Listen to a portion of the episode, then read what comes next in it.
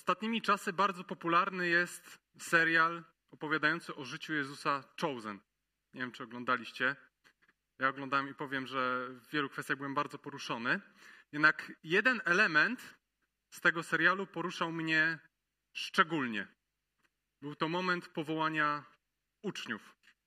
Każdy był wyjątkowy, każdy troszeczkę inny, każdy wzruszający, ale najbardziej odbił mi się w pamięci moment powołania Mateusza. Mateusz siedział w swojej, powiedzmy tam, komnacie takiej celnej, w której pobierał podatki, i nagle idzie Jezus z apostołami.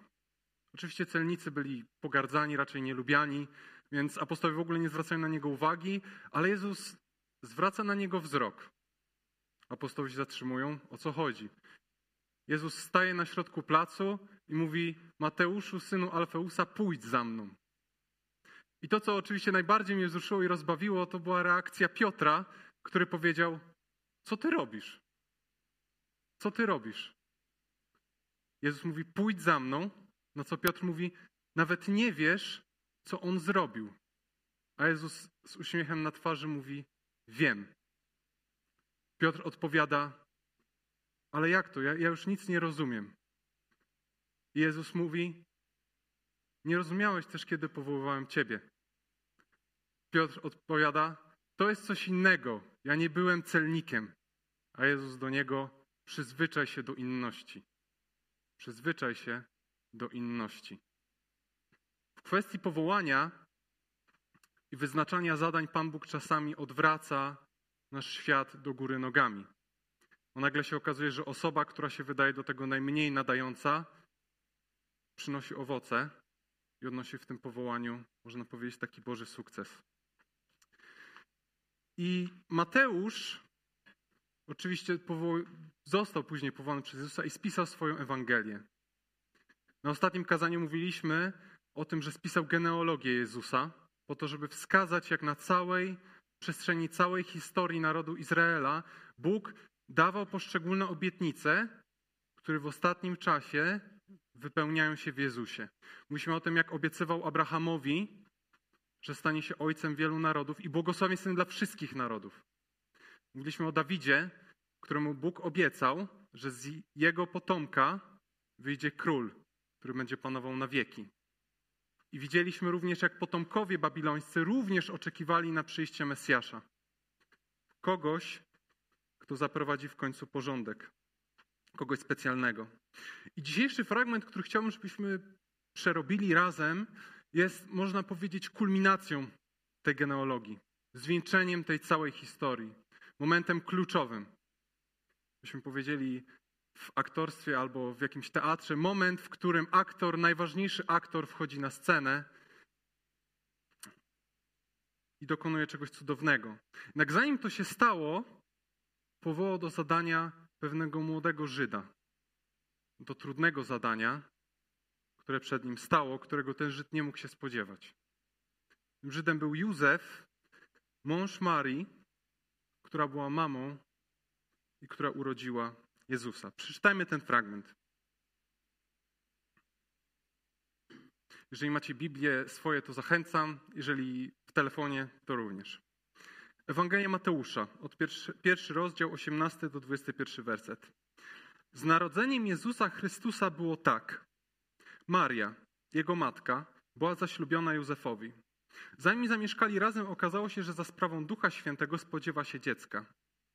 Jej mąż Józef, jako człowiek sprawiedliwy, nie chciał narazić jej na zniesławienie i zamierzał oddalić ją potajemnie. Nad tym rozmyślał anioł Pana, ukazał mu się we śnie i powiedział: Józefie, synu Dawida, nie bój się przyjąć Marii, twojej żony, bo dziecko, którego oczekuje, jest z Ducha Świętego. Gdy urodzi syna, nadasz mu imię Jezus. On bowiem zbawi swój lud od grzechów.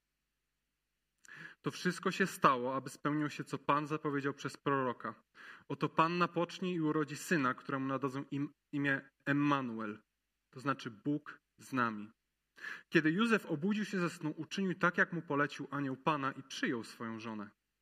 Nie żył z nią jednak, aż urodziła syna, któremu nadał imię Jezus. Józef w momencie opisywanych wydarzeń przyjmuje się, że miał około od 16 do 22 lat. Tak szacujemy. Tekst nam nie mówi.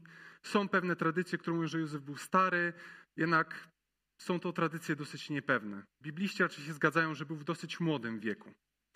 Był to wiek, w którym każdy młody Żyd przygotowywał się do zawarcia małżeństwa. Rodzina oraz sam związek małżeński w tamtym czasie był bardzo ważny. Można powiedzieć, nawet był kwestią honoru danej osoby. Kwestią honoru i również tego, że poprzez małżeństwa naród wybrany mógł się cały czas powiększać.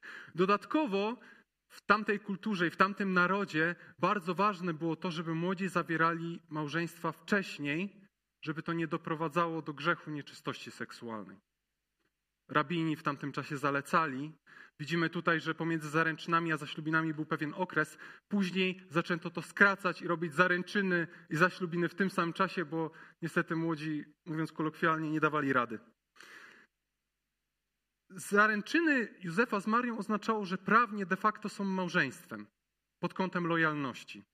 Wyglądało to tak, że zawierano kontrakt, mówiono, że ta kobieta będzie moją żoną, ja będę twoim mężem, po czym chłop wracał do domu, szedł harować przez rok, żeby uzbierać na wesele i dom.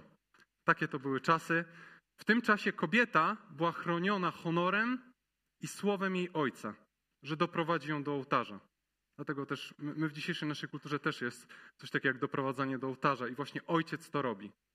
Ponieważ on w tamtym czasie jest odpowiedzialny, żeby Marię, w tej sytuacji Marię, ale kobietę doprowadzić do tego momentu zwieńczenia. Tego niezwykle ważnego momentu. Jednak sprawy obrały niespodziewany obrót. Okazało się, że Maria jest w ciąży. Józef, który przez rok wyczekiwał na tą swoją ukochaną, Mamy tutaj całkiem sporo młodych małżeństw, które jeszcze pamiętają, jak to był okres takiego wyczekiwania w narzeczeństwie. Ja też jeszcze pamiętam, to był to czas pełen emocji, pełen takiej radości, ale tęsknoty, ale dzieje się inaczej. Maria zostaje znaleziona w ciąży. To słowo greckie pokazuje, że najprawdopodobniej jej otoczenie już widziało tą ciążę. Czyli albo rodzina ją znalazła ciężarną, a możliwe nawet, że cała wieś to widziała. Wiemy, jak to jest w małych miejscowościach. Nie wiem, czy ktoś z Was kiedyś mieszkał w małej miejscowości, że wieści dosyć szybko się roznoszą. Prawda? Jeszcze w szczególności w tak małej społeczności. Dla Józefa tak naprawdę to oznaczało upokorzenie. Wszyscy go znali, widzieli. Mieli też opinię, że tak czytamy wcześniej, że miał opinię dosyć sprawiedliwego człowieka. Dla niego to było absolutne upokorzenie przed całą wspólnotą. Można powiedzieć, że te nadzieje tego wyczekiwania zostały zmiażdżone w jednym momencie. I stał przed bardzo trudnym dylematem, bo tak naprawdę wobec Marii powinny się zadziać, miał dwie opcje, jak postąpić w takiej sytuacji. Po pierwsze, mógł wytoczyć jej proces prawny, właśnie za to upokorzenie. Normalnie zostałaby wobec całej społeczności osądzona i albo skazana na śmierć, albo zostałaby pohańbiona i w konsekwencji zostałaby sama z dzieckiem bez utrzymania, bo kto by chciał taką kobietę, prawda? Która dopuściła się nierządu jeszcze przed ślubem. Ludzie myśleli na początku, że najnormalniej w świecie Marcina, y, Maria, Maria zdradziła Józefa w nieprawnym związku. Druga opcja, którą Józef podejmuje, to jest opcja taka, że może ją odprawić to oznaczało, że wobec społeczności i wobec Marii mówi: Nie mam nic przeciwko tobie, nie chcę wyciągać konsekwencji. De facto Józef i tak był stratny, bo ucierpiał na pewno na nim troszeczkę jego honor, ale decyduje się, że puszcza Marię i dzięki temu Maria dostaje, powiedzmy, taki kontrakt rozwodowy, dzięki któremu może zawrzeć ponowne małżeństwo. Józef zapewnia: Nie mam nic przeciwko niej. Nie chcę jej sądzić. I łatwo nam czytać to już z takiej dalszej perspektywy, jednak pomyślmy sobie, gdybyśmy my znaleźli się w takiej sytuacji Józefa. Czekamy na swoją ukochaną przyszłą żonę i nagle się okazuje, że jest w ciąży. Domyślam się, że wielu z nas raczej to byłoby dosyć traumatyczne wydarzenie. Nie wiązałoby się z radością, ale raczej ze smutkiem, złością, gniewem, poczuciem zdradzenia i złością. Ale jednak Józef nie chce straty Marii. Nie chce jej upokorzyć, nie chce jej szkody. Nie wiedział, że pośród mroku tej sytuacji oraz niezrozumienia Bóg realizuje swoją wielką historię. Historię, o której mówiliśmy w tej genealogii. To było też ciekawe. Tam również postacie doświadczały różnych rzeczy. Były kobiety, które często uprawiały nierząd zawodowo, byli ludzie, którzy dopuszczali się strasznych rzeczy. I to jest ciekawe, że Bóg prowadzi tę historię aż właśnie do momentu, kiedy Jezus począł się z ducha i wchodzi w te wydarzenia, można powiedzieć, z buta. Bóg daje Józefowi powołanie, które z ludzkiej perspektywy było absurdalne. Przyjmij Marię. Przyjmij Marię. Nie bój się jej przyjąć. Nie bój się podjąć tego, żeby być ojcem dla tego dziecka. Nie bój się przyjąć tego, co jest istotne. Można powiedzieć, że Bóg wrzuca Józefa. Józef nie prosił o to, żeby Pan Bóg go wrzucił w tą sytuację, ale wrzuca go w ogień tej swojej historii i powołuje. Powołuje do zadania. Oczywiście daje to zadanie, ale daje również wytłumaczenia, co się w ogóle dzieje. Też jest istotne, że Pan Bóg mówi, co masz zrobić, dlaczego masz to zrobić, dlaczego to jest aż tak ważne. Przynosi mu pewną wiadomość. Wiadomość, która jest połączona jednocześnie ze słowami Mateusza, który tłumaczy, co tak naprawdę dzieje się poprzez te wszystkie wydarzenia. Widzimy wiadomość anioła oraz wypełniające się proroctwo ze Starego Testamentu. Nie możemy tego oddzielać, żeby to dobrze zrozumieć. I kluczem tak naprawdę do zrozumienia tego, co się dzieje oraz tego, co mówi anioł o Jezusie, kim w ogóle Jezus jest i dlaczego został poczęty z Ducha Świętego, jest werset 22, który macie podkreślony na czerwono.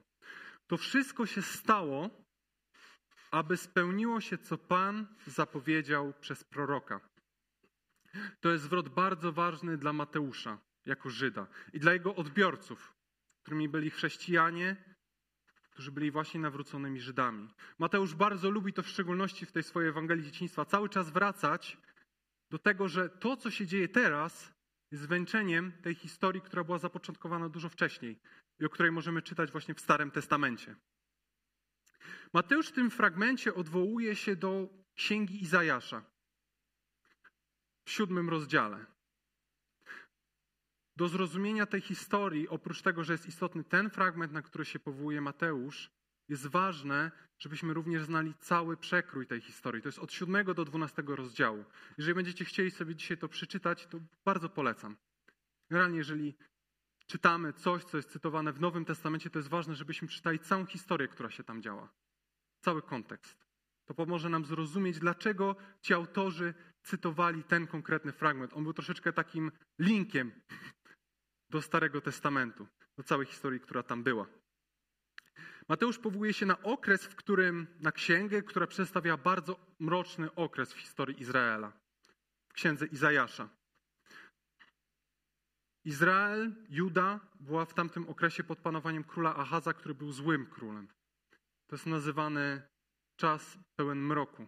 Na naszej grupie czwartkowej przerabialiśmy pierwszy rozdział razem ze Zbyszkiem, więc część osób z Was już może wiedzieć, choćby Renatka, że to był bardzo zły okres dla ludu. Sami byli daleko od Boga, buntowali się przeciwko Niemu i Izajasz zostaje posłany, żeby nieść przesłanie nadziei. Bo oprócz tego, że oni się buntują przeciwko Bogu, to jeszcze dzieje się ogromna nawałnica polityczna wobec nich. Obce narody zaczynają naciskać na Judę. I w tym momencie wchodzi Izajasz z przesłaniem do króla Ahaza. Przesłaniem, które niesie nadzieję, ale też zapowiedź kogoś specjalnego. I tutaj ponownie Pan przemówił do Ahaza.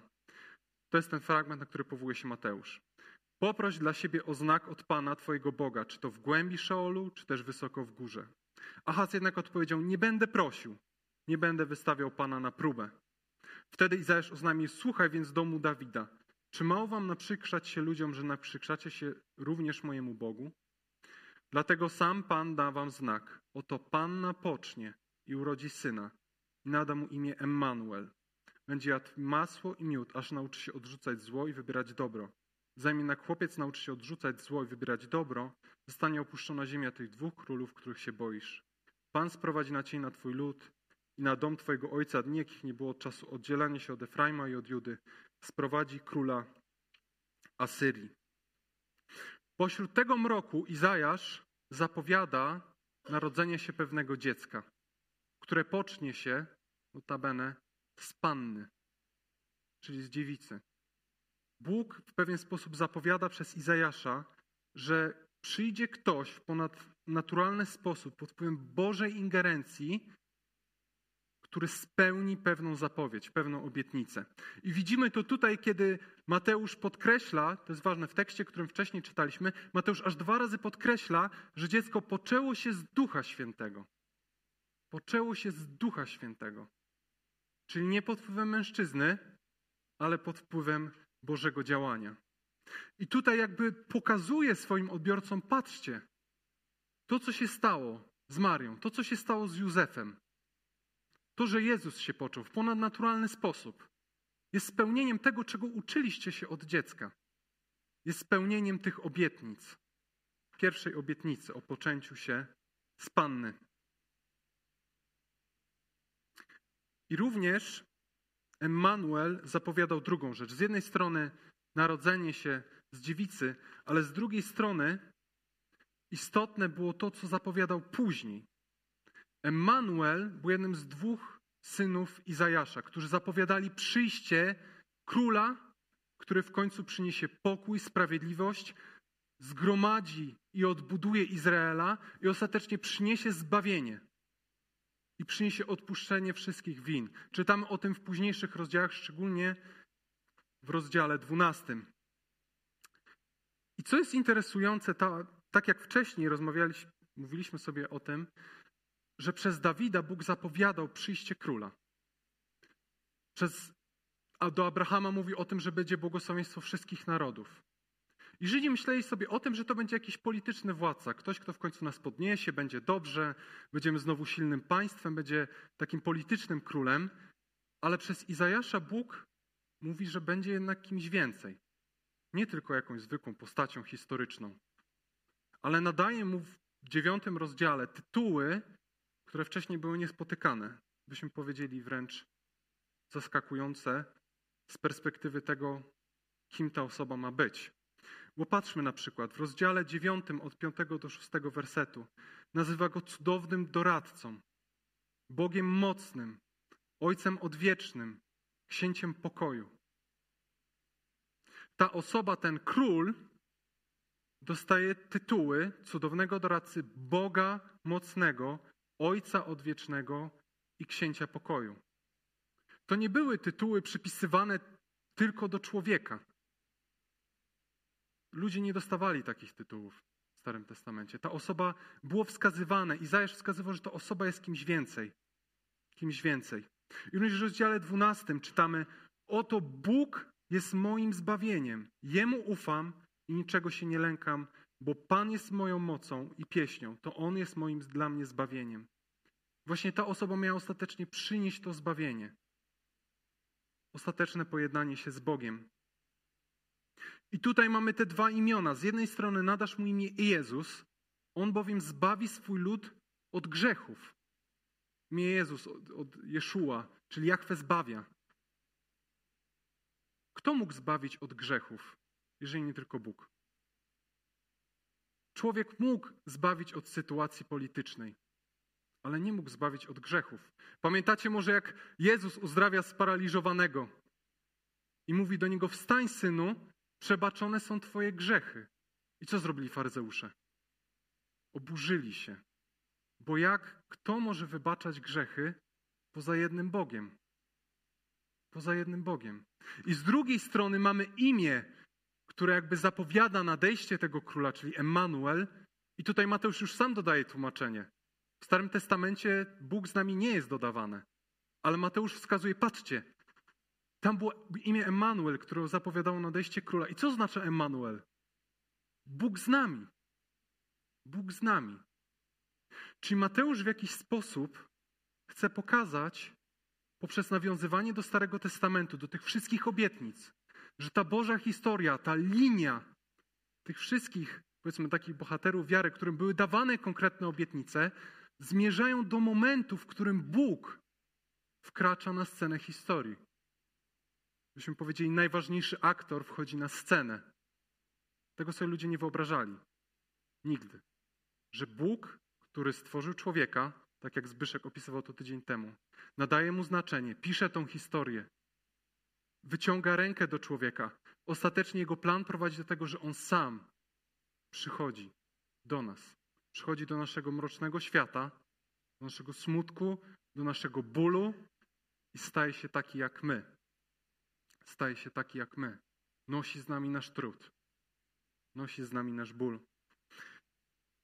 W sporcie jest e, takie, powiedzmy, ja akurat gram w koszykówkę, więc troszeczkę o tym wiem, że mecz rządzi się swoimi prawami.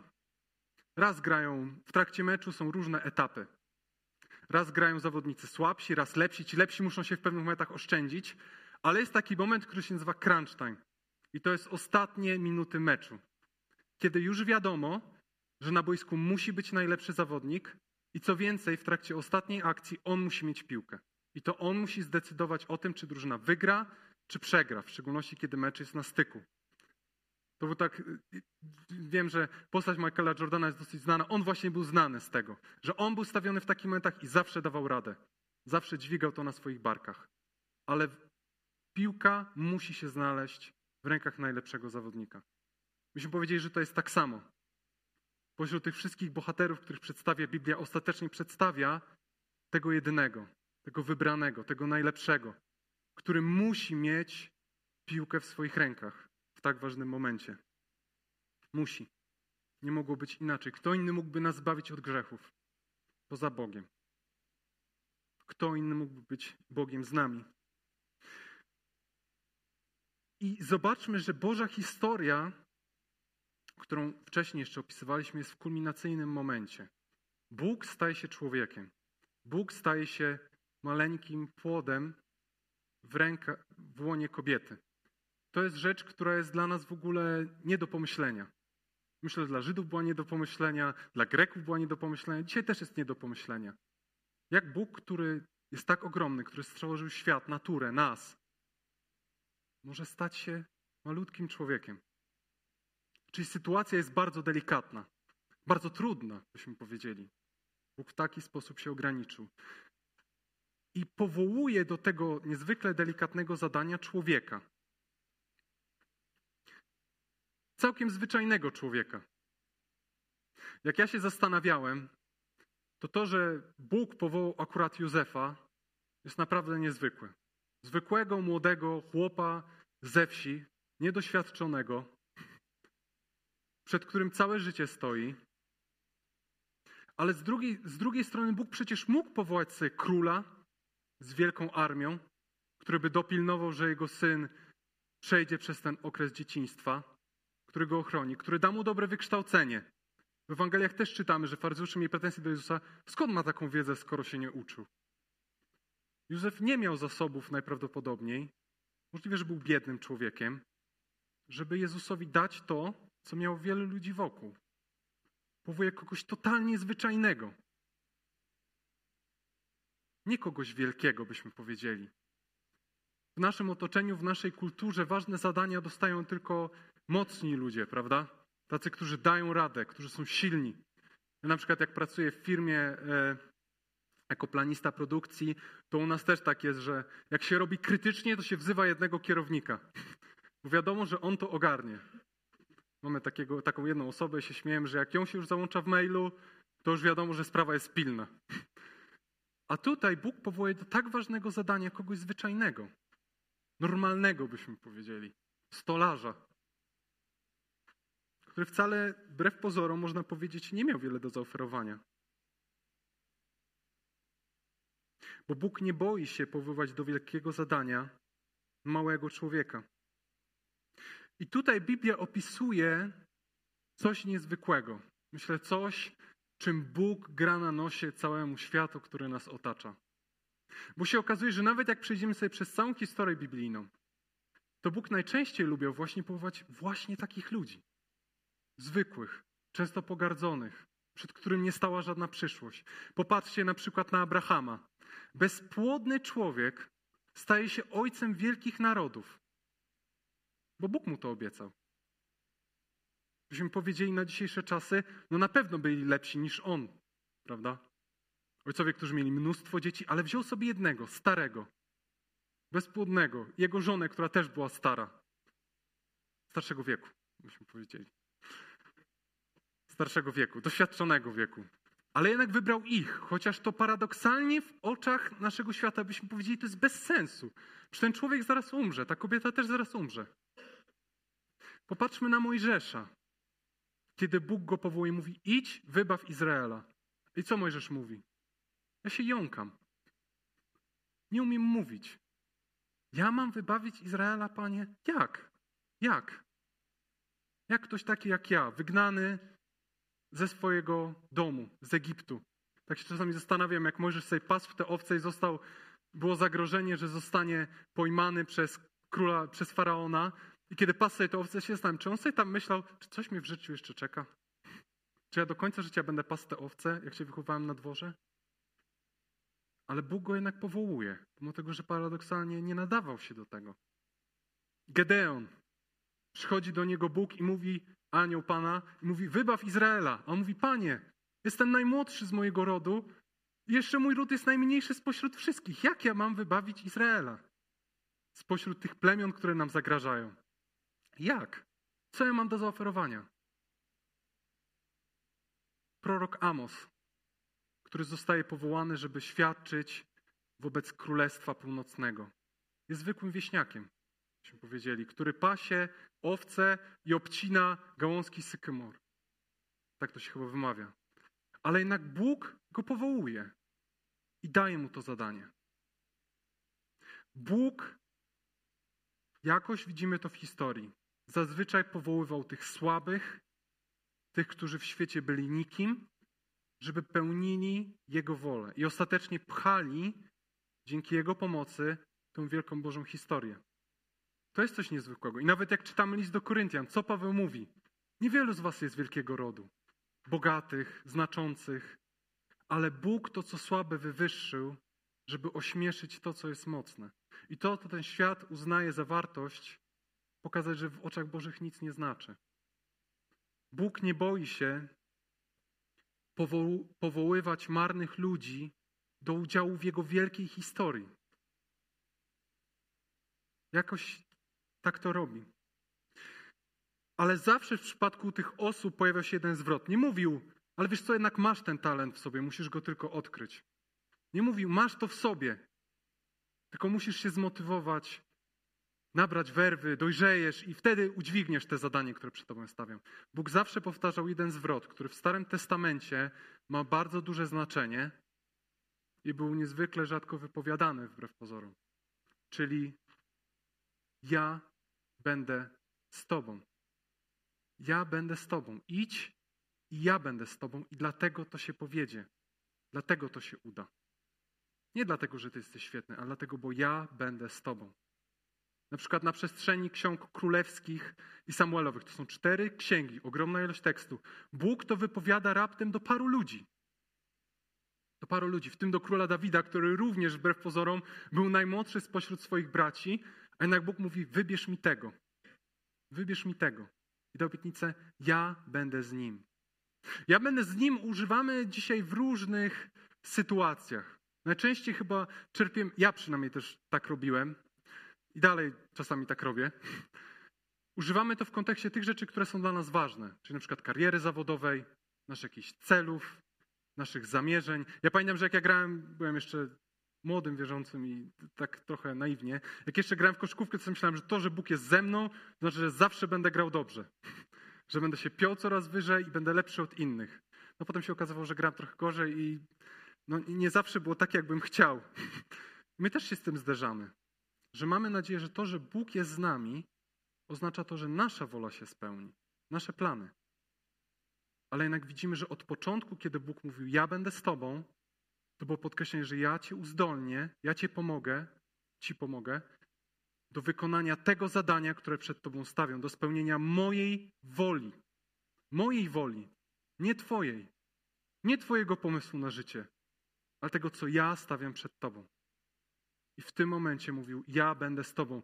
Dla Żyda usłyszeć: Ja będę z Tobą, to była gwarancja, że to się uda.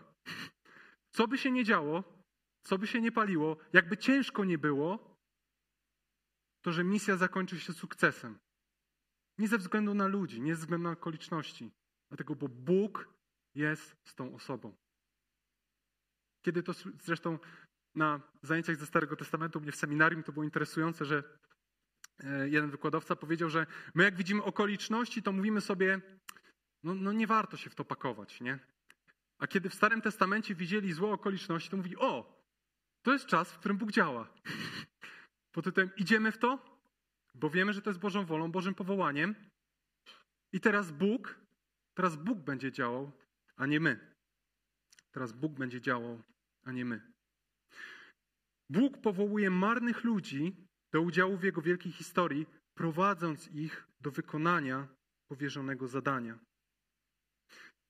On jest gwarancją, że to się uda, do czego powołuje, powoła daną osobę, choćby wiązało się to z przejściem przez ogień.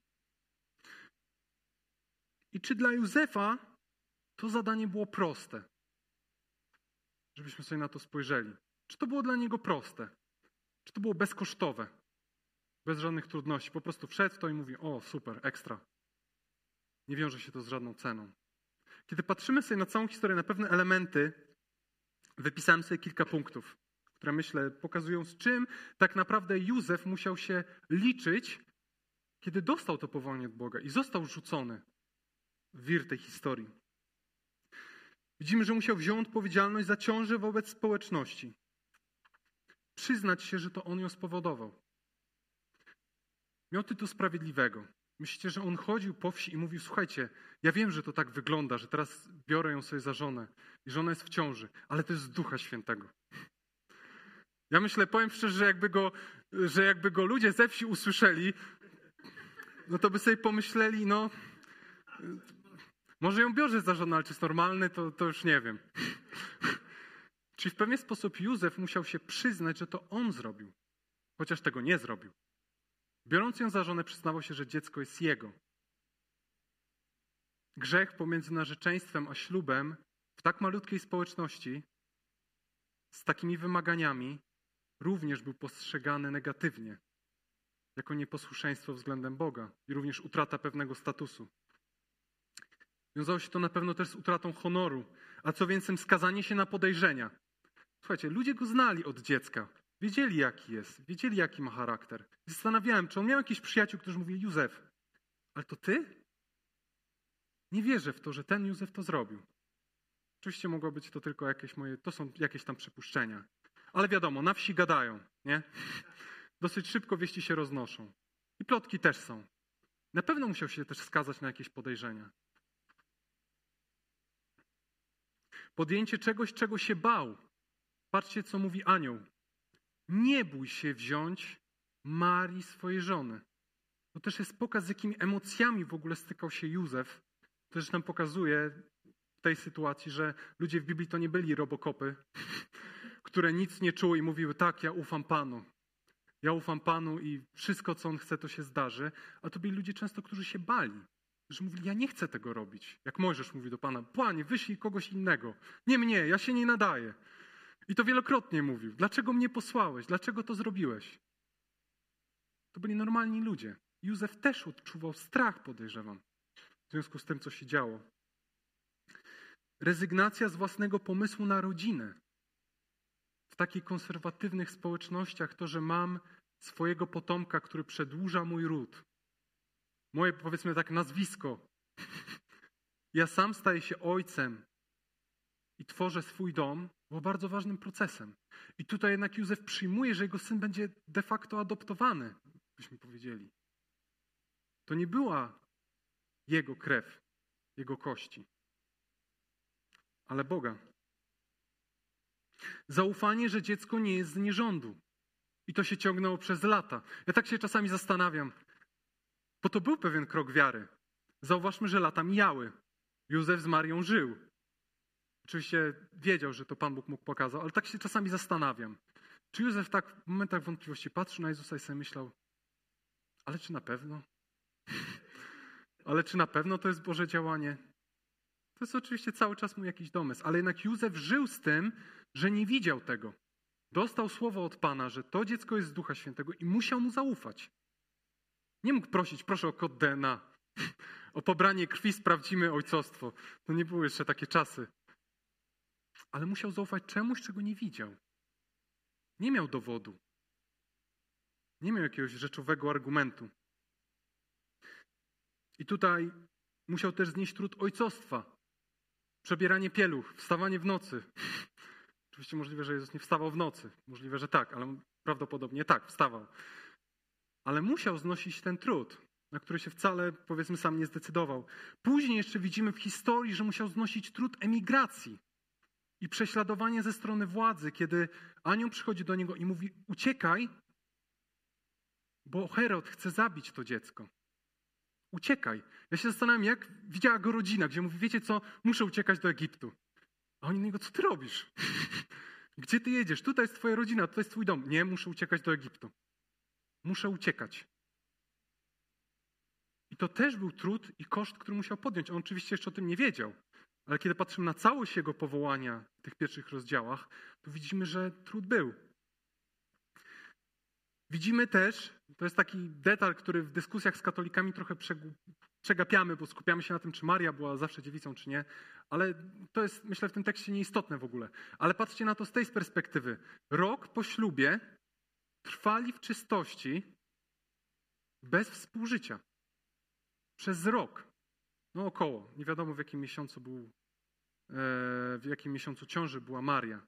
Ale pomyślmy sobie, kilkunastoletni, kilkudziesięcioletni, około 22 roku życia, młody chłopak, który na ten ślub czekał przez cały rok, który był nastawiony na powiększanie rodziny. Nagle się okazuje, że razem z Marią postanawiają, że przez rok będą nie współżyć. I to nie było tak, że oni żyli sobie osobno, mieszkali osobno. To nie były takie czasy. Oni spali w jednej izbie, byli w jednym mieszkaniu, w jednym domu. Ale jednak słysząc o tym, że dziecko jest Ducha Świętego, razem podejmują decyzję, że nie będą współżyć. Ja powiem szczerze, z perspektywy młodego człowieka, przyznaję, że naprawdę, jak to czytam, to, to nie chcę się wierzyć i że z Bogiem nic nie jest niemożliwe. Naprawdę. Skoro kilkunastoletni młody chłopak był w stanie to przejść, dzięki Bogu, no to to też jest niezwykłe. Naprawdę. I to też musiała być ich we dwojgu decyzja, bo tak naprawdę żona w tamtej kulturze mogła się rozwieść z mężem, jeżeli nie spełniał jej potrzeb pod kątem współżycia. Więc Bóg powołuje marnych ludzi do udziału w Jego wielkiej historii, prowadząc ich do wykonania powierzonego im zadania, wbrew trudnym okolicznościom. I co jest ciekawe, ten zwrot Bóg z nami Będę z wami. W Ewangelii Mateusza jest poruszany na jego początku i końcu. Oczywiście się zgadzają, że to jest pewien spinacz, który pokazuje całe sedno Ewangelii. Mateusz bardzo lubi przedstawiać Jezusa jako nauczyciela i ludzie się tak zastanawiają czasem, czy nie jest legalistyczny. Bo jest dużo tych wymagań, dużo prześladowań. Jest kazanie na górze, gdzie Jezus mówi swojemu kościołowi, w jaki sposób ma żyć. Że ma głosić Ewangelię pomimo trudności i prześladowań i trudów ale jednak na początku i na końcu są dwa zwroty bardzo ze sobą połączone. Jeden właśnie w momencie, gdy jest informacja o poczęciu się Jezusa, i z drugiej strony, gdy Jezus wysyła swój młody kościół na misję, po to, żeby świadczyli. To jest ten zwrot Bóg z wami. Patrzcie, tak jak na początku Emmanuel, Bóg z nami, jest niejako komentarzem Mateusza w stosunku do sytuacji Józefa, pokazując, że Józef przechodzi przez te wszystkie okoliczności, bo Bóg jest z nim w tym zadaniu, do którego go powołał. Tak na końcu Jezus wskazuje: idźcie, idąc, czyńcie uczniami wszystkie narody, chrzcząc je w imię Ojca i Syna i Ducha Świętego, nauczając je zachować wszystko, co wam nakazałem. A oto ja jestem z wami, aż do końca świata. Aż do końca świata dla kościoła z Palestyny, gdzie tam byli rdzenni Żydzi, nawróceni na chrześcijaństwo, usłyszenie, że Jezus jako Bóg jest z nami. To był dla nich, słuchajcie, jak sygnał do boju, dokąd mamy iść. Bo patrząc na całą historię, widzieli, tak samo jak Bóg powołał Abrahama, Mojżesza, Gedeona, tych wszystkich naszych przodków, o których się uczyliśmy w synagodze, tak samo Bóg w tym zadaniu będzie z nami. Z nami jako Kościołem. W wykonaniu tego zadania. I osiągniemy w tym sukces. Mamy pewność, ponieważ On jest z nami. On jest gwarancją, że nam się Tobie powiedzie. Jakbyśmy popatrzyli sobie na nas, to się im powiodło. Malutka grupa chrześcijan, powołana przez Jezusa do ogromnej misji głoszenia wszystkim narodom, można powiedzieć, tą Ewangelię, którą niosła, przemieniła świat. Bóg przez nich przemienił świat. Z tej małej grupki uczniów Bóg rozniósł Ewangelię choćby do Polski. Ktoś sobie może policzyć, ile to było kilometrów, ile lat w przeszłości. Ale patrzcie, my wciąż jesteśmy tutaj, jako Jego Kościół. Wciąż głosimy Ewangelię. Wciąż szukamy oparcia w Jego Słowie. To się spełniło. I to nie jest jakaś bajka, którą sobie opowiadamy. Ale to faktycznie się wydarzyło parę tysięcy lat temu. My wciąż tutaj jesteśmy. Bo Bóg jest z nami. Bo Bóg jest ze swoim Kościołem. Jakbyśmy sobie porównali, z czym Kościół w tamtym czasie się zmagał. Myślę, że w historii Józefa mogli znaleźć pewne elementy, które dla nich też były istotne z perspektywy tego powołania, z tym, przez co oni przechodzili. Bo jaki był ten kościół? Pozornie nic nie znaczył. Myśmy powiedzieli nowe ugrupowanie, jakieś dziwactwo. Mały. Nie mieli wielu wyznawców. Nie mieli. Prześladowany. Tam, jak ktoś się stawał chrześcijaninem, to od razu wyrzucony z synagogi. Jak to zdradzasz wiarę swoich ojców? Zostawiasz dla jakiegoś Jezusa? Co ty robisz? Ktoś z nich mógł być rabinem. Cały swój szacunek społeczny zostawiasz dla niego? Kim on w ogóle jest dla ciebie? To się wiązało z pewnym trudem. Musieli zaufać słowu apostołów, chociaż sami nie widzieli Jezusa. Patrzcie, Józef nie, wie, nie widział tego, co się stało, a musiał zaufać. I tutaj tak samo, Kościół nie widział Jezusa, ale musiał zaufać słowu, które przekazywali apostołowie. Utrata znaczenia. Często to byli ludzie biedni, prości. Podejrzewam, że nie wszyscy mieli na podróże gdziekolwiek, żeby głosić Ewangelię. Na pewno zmagali się z takim poczuciem niskiego znaczenia. Ale jednak Bóg w tym wszystkim dał im gwarancję, że przez to, że Jezus jest z nimi, już na zawsze mogą to powołanie wziąć i je spełnić, osiągnąć sukces. Dzięki temu, że Bóg ich powołał, dzięki temu, że On jest z nimi. Nie przez ich wyjątkowość, ale przez Boga. Myśmy powiedzieli, ja zawsze lubię ten, ten zwrot, Arnold Schwarzenegger, kiedy go pytano, dlaczego, z racji tego, że był wybitnym kulturystą, pytali się go, dlaczego przechodzisz przez to wszystko? Skąd bierzesz siłę i motywację do tego, żeby wyciskać te wielkie ciężary? I Arnold powiedział coś takiego, że, że zawsze bardzo miał dobrą wyobraźnię i potrafił sobie wyobrazić, jak w finalnym momencie staje na tej scenie i to, jak wygląda. Jedyne, co robi później, to rzeźbił swoje ciało według tego obrazu, który miał w głowie. Myślę, że tutaj Kościół tak samo. Stał, stał przed nim ogromne wyzwanie, ogromny trud. Ale obraz tego i wizja, też ta wizja tej ogromnej historii, że Bóg był z nimi, Bóg był z Mojżeszem, Bóg był z naszymi ojcami i tak samo teraz jest z nami. Dodawało im się, żeby oni mogli wycisnąć ten ciężar powołania, który przed nimi stał. Bóg tak samo powołuje Kościół, aby, trudnych aby pośród trudnych okoliczności, wobec spełnienia się tej Bożej historii, tego wielkiego planu, świecił wobec świata swoim życiem i głosił tę Ewangelię dalej. Ta historia się nie kończy. Jezus można pokazać to jako sztafetę. Przekazuje to, co nauczał i to, kim był Kościołowi, i Kościół ma głosić tam, gdzie jest. Zbysiu o tym tydzień temu bardzo fajnie pokazał, że jesteśmy oddzieleni, powołani, że mamy być inni tam, gdzie jesteśmy. Mamy świadczyć o tym wielkim Bogu. I to jest powołanie dla Kościoła, byśmy wobec tego świata pokazywali, że jesteśmy inni, że należymy do Boga. I w tym kontekście w kościele każdy jest powołany. Cała wspólnota jest. Nie jest tak, że tylko pastor albo jakiś misjonarz. Tak, oni są powołani, ja nie jestem. Ale w każdej naszej dziedzinie naszego życia jesteśmy powołani. Patrzcie, Józef nie wybrał sobie powołania bycia ojcem Jezusa.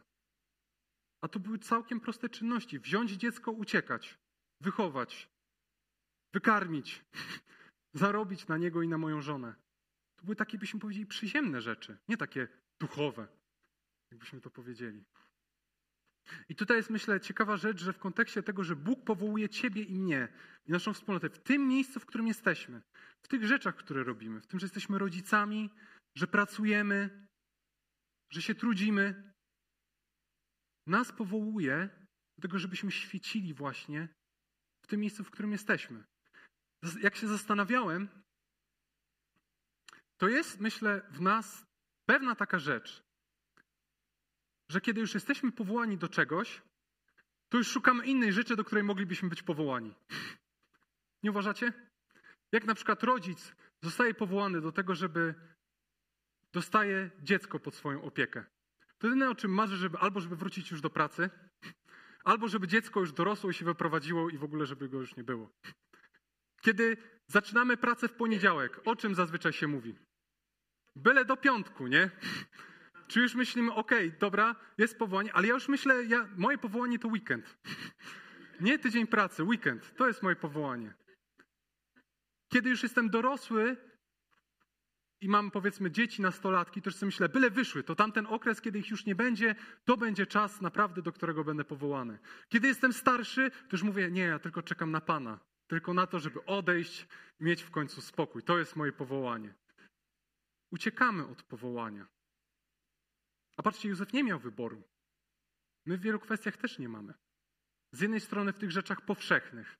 Robimy to, co robimy. Jesteś w miejscu, w którym jesteś. Masz dzieci, które masz, nie masz innych. Możesz sobie myśleć, gdybym miał inne dzieci, to, to bym służył Panu. To byłoby super. Ale masz te konkretne dzieci. Za nie jesteś odpowiedzialny. Tutaj robimy niesamowite, Agnieszka też z dziewczynami robi niesamowitą pracę, żeby ten kitstaw pięknie wyglądał. Ale słuchajcie, to nie Kościół jest powołany do tego, żeby świadczyć naszym dzieciom o Jezusie, tylko rodzice. Bo nawet jeżeli zrobimy im piękne tutaj przedstawienie i potem nawet w domu będziemy ich recytować werset na pamięć, ale będą wiedziały, że w naszym małżeństwie nie ma Jezusa, w naszych relacjach między sobą nie ma Jezusa i my sami też nie modlimy się z nimi, nie uczymy ich o Jezusie, nie czytamy z nimi słowa, to jakich rzeczy by w kościele nie wymyślono, to dziecko nie będzie dostawało świadectwa od was. A to my jesteśmy do tego powołani, żeby wobec naszych dzieci świadczyć. To jest nasze powołanie. Jesteś powołany w swojej pracy, żeby świadczyć o Jezusie. Taką, jaką masz. Czasami sobie myślimy, ja, ja tak myślałem, jak jeszcze w, w, koszykówkę grałem, że jak będę, Panie, w jakiejś reprezentacji, to wtedy będę w tych wywiadach mówił o Tobie i naprawdę i Twoje imię będzie uwielbione. Od razu gdzieś uciekałem dalej. Tutaj może też sobie myślimy, moja praca nic nie znaczy. Co ja mogę w niej świadczyć o Jezusie? Jak ja na przykład, prosta praca, ale z szacunkiem, na przykład, że Panie, ja tylko siedzę na kasie. Jak ja mogę świadczyć w tym o Jezusie? Jakbym był menadżerem, no to wtedy już kontakty, wtedy już mógłbym coś powiedzieć. Ale jesteś w miejscu, w którym jesteś. To jest miejsce, do którego jesteś powołany, żeby świadczyć o Jezusie. I w tym powołaniu Bóg jest z Tobą. Bóg jest z Tobą. W tym, żebyś świadczył o Nim, żebyś świadczył swoim kolegom z pracy, żeby widzieli, że dobrze pracujesz nie po to, żeby był awans i lepsza wypłata.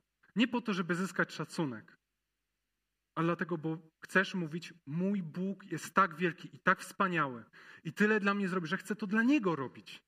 Choćbym miał robić najprostszą pracę, to wiem, że dzięki Bogu ta praca jest dobra i Bogu się podoba. Bogu się podoba.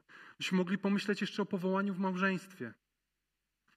Ja bym służył Panu, ale mam takiego męża albo taką żonę. Ale dostałeś właśnie taką żonę i takiego męża. Z takim charakterem, z takimi problemami, z takimi skłonnościami. I to nie jest tak teraz, Panie, proszę, zmień ją. Jak ją zmienisz albo jego, to będzie cudownie ale żebyś Jemu temu małżonkowi, który czasem jest trudny, grzeszny, jest niesprawiedliwy, jest wkurzający, świadczył o Jezusie, żebyś go kochał bez względu na to, jaki jest i w jakim jest miejscu. Żeby patrząc na ciebie, widział, ja nie domagam, ale naprawdę widzę, że, że łamie mnie to, jak, jest Chryst, jak mogę widzieć Chrystusa w tej osobie. I ostatecznie może, żebyś mógł doprowadzić tego swojego współmałżonka, może czasem w kryzysie jakimś duchowym, tego, że on widzi, wow, ten Bóg jest tak dobry. Chcę wrócić do Niego. Choćby było ciężko. Choćby było ciężko. Czasami są też zmagania niestandardowe, na przykład choroba. Już nie chcę wchodzić w to, czy Pan Bóg do tego powołuje, czy nie, to po prostu się dzieje. Ale myślę, zawsze było dla mnie budujące, jak słyszałem o Madzi Wolskiej. Nie wiem, czy Madzia jest. Nie ma? Dobrze, to możemy powiedzieć. E, zawsze to było dla mnie budujące, jak Pan Bóg z jakiegoś powodu, nie, nie chcę mówić, że to On zesłał, ale że postawił ją w miejscu wśród tamtych ludzi i też mówiła, że mogła głosić i mogła mówić. Mogła świadczyć swoim entuzjazmem, przechodząc przez chorobę, swoim sercem, pokazując, że jest Bóg, z którym można przez to przejść. Można przez to przejść. Chociaż ta sytuacja była bardzo trudna, to jednak Bóg wykorzystywał to na swoją chwałę. Albo brat Fonek, który wylądował w szpitalu, jedyne o czym myślał, to o czym? Żeby roznosić nowe testamenty ludziom, którzy byli w szpitalu. Miejsce, w którym jesteś, jest Twoim powołaniem. I to nie jest tak, że Pan Bóg chce teraz powołać tylko, wiecie, takich wielkich bożych generałów pod tytułem jak Luther albo ktoś tam, który zmieni ten cały świat. O, ja chcę być taki jak on. Twoje powołanie jest tutaj. Jest tu, gdzie jesteś. I tu, gdzie jesteś, masz świadczyć o Jezusie. I to jest coś wielkiego. To jest kontynuacja tej wielkiej Bożej historii. I to, że możemy zapraszać ludzi, wzywać do tego, żeby stali się jej częścią, bez względu na to, w jakim miejscu jesteśmy jest wielkim przywilejem i Bóg jest z nami w tym, co robimy. Ale myślę też, słuchajcie, że Bóg nas też powołuje jako Kościół, jako cały. Z jednej strony jednostki w miejscu, w którym jesteśmy, żebyśmy byli oddzieleni, ale też z drugiej strony jako całą wspólnotę do wykonania pewnego zadania. I okoliczności czasem są trudne, bo też jesteśmy mali, byśmy powiedzieli, jako zbory ewangelikalne. Co? Ja, ja czasami się tak modlę przed Bogiem. Panie, Ilu nas jest? A ilu jest ludzi wokół? Co my możemy? Zbieramy na tą salę, szukamy ciągle swojego miejsca. Co możemy? Ale z jakiegoś powodu Bóg ten zbór w Gdyni, najpierw poprzez tych ludzi, którzy postanowili, że z Gdańska chcą mieć swoją społeczność i postawił w Gdyni, i poprzez różne trudności. Jeśli patrzyli na historię naszego zboru, to nie była prosta historia. Był ból, były problemy, był ciężar. Był ciężar powołania. Ale Bóg to prowadził. Patrzcie, gdzie jesteśmy. Tyle lat minęło. Pastora nawet nie wykończyliśmy. Gdzie wielu zborom to się już udało. Ale patrzcie, że jednak cały czas Bóg jest z nami. I może się wydawać, że na przykład szukanie sali. I to jest stres. To jest stres, gdzie będziemy, gdzie będziemy mieć swoje miejsce. I wiem, że wielu z nas jest zniechęconych. Czekaniem, piętrzącymi się trudnościami, ale Bóg nas powołał w tym mieście, w którym jesteśmy, do tego społeczeństwa i w głoszeniu Jego Ewangelii i świadczeniu Bóg jest z nami i będzie z nami. Bez znaczenia, co się stanie z salą, bez znaczenia przez trudności, które przejdziemy, Bóg jest z nami. I On jest gwarancją tego, że będziemy pełnić Jego wolę i osiągniemy też jako zbór sukces. Bóg też stawia cię w kościele w konkretnym miejscu z konkretnym obdarowaniem. Nie wybrałeś go sobie. Kiedy ktoś oddaje swoje życie Jezusowi i odradza się na nowo, i Bóg daje mu Ducha Świętego, to czytamy też, że dostajemy pewne dary Ducha, które mamy realizować. Czy sobie wybieramy? Nie wybieramy. Ktoś po prostu ma dar do głoszenia, ktoś ma dar do duszpasterstwa, ktoś ma dar do pomocy, do organizowania pewnych rzeczy. To są nasze obdarowania, nie wybraliśmy ich. Ale jednak Bóg nas do tego powołał. Powołał do tego. Do konkretnych rzeczy, byśmy realizowali też w Jego królestwie, żebyśmy głosili Ewangelię, byli misyjni, żebyśmy wzrastali duchowo. Poprzez poznawanie Słowa Bożego i modlitwę. I poprzez też relacje ze sobą. Czasami też powołuje do pełnej służby pastora albo misjonarza. I on też nadaje kierunek całej społeczności. Ja tak sobie myślę, bo my, my, razem z Martynką jesteśmy w takim okresie, że cały czas się modlimy, bo gdzieś nam Bóg cały czas kładzie na sercu powołanie pastorskie. No i też w seminarium w tym kierunku poszliśmy. I od kiedy tak naprawdę podjęliśmy tą decyzję, to wszelkie okoliczności naprawdę wołają do nas, że koszt będzie. Pamiętam, jak zdecydowaliśmy się na to, to na początek przychodzili ludzie, którzy mówili, co wy? Że to jest dziadowanie. Gdzie jest gwarancja emerytury? Te pieniądze. Naprawdę chcecie w coś takiego się ładować? Z czego będziecie się utrzymywać? Później wątpliwości pod tytułem, ale to jest takie ciężkie, takie trudne. Tyle zmagań z tym. Po co? Przecież można mieć dobre, proste życie, pracować sobie gdzieś w firmie, dzieci dorosną, potem się zajmę tą służbą. Potem. Ale jednak cały czas gdzieś z tyłu głowy jest coś takiego. Nawet jak z moją żoną rozmawiam, ja mam wątp- ona na początku miała dużo wątpliwości, ja teraz mam różne wątpliwości i teraz na początku ja ją zachęcałem, teraz ona mnie. I czasami tak rozumiem, mówię, kochanie, ja naprawdę tak, kurczę, nie widzę siebie w tym. Widzę, że tak słaby jestem w tym, żeby robić coś takiego, ale, ale właśnie żona w swojej mądrości mówi, ale jeżeli Bóg będzie to prowadził, to mamy to robić.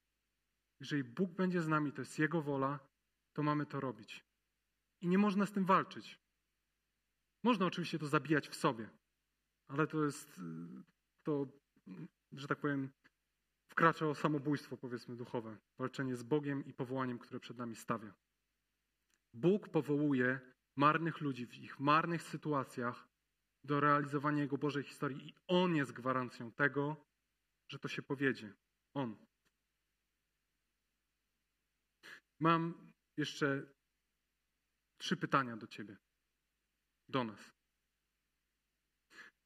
Zastosowanie. No i reszta to będą pytania. Poznaj tą Bożą historię, taką jaką zachętę. Popatrzcie, jak dla Mateusza ważny był ten Stary Testament. My czasami chodzimy już coraz modniejsze są Biblie tylko z Nowym Testamentem i psalmami. Mówimy, tamta reszta historii jest za trudna. Ale myślę, że żeby docenić cały ogrom wysiłku, który Bóg włożył w to, żebyśmy my mogli żyć z Jezusem, jest naprawdę wart tego poznania. Jest wart tego. Są różne sposoby, żeby to robić. Można plan czytania Biblii sobie ściągnąć. Ja mam papierowy przy sobie, jeżeli ktoś ma ochotę. Prosty sposób, ale poznawaj tą historię. Poznawaj historię tego, jak Bóg powoływał tych ludzi. To jest naprawdę niezwykłe i pasjonujące. I myślę, że nam też dodaje odwagi. Przypomina nam cały czas, że w tym powołaniu, które Bóg przed nami stawia jako Kościół i przed nami jako jednostki, Bóg jest z nami i realizuje swój plan. To dodaje nadziei, siły.